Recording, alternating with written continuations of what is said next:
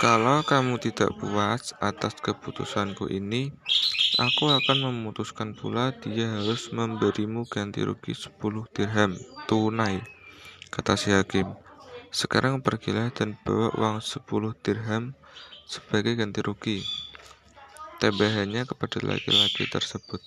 Si Kabayan menunggu kedatangan laki itu berjam-jam dengan sia-sia. Rupanya si hakim sengaja memberi kesempatan kepada laki-laki tadi untuk kabur. Si Kabir merasa telah ditipu ketika melihat si hakim terang-terang saja dan menyibukkan diri dengan pekerjaannya. Si Kabir menjadi jengkel. Tiba-tiba si Kabir menampar si hakim seraya berkata, Maaf Pak Hakim, saya sibuk sekali dan tidak punya waktu untuk menunggu. Tolong nanti terima saja ganti ruginya. Aku buru-buru.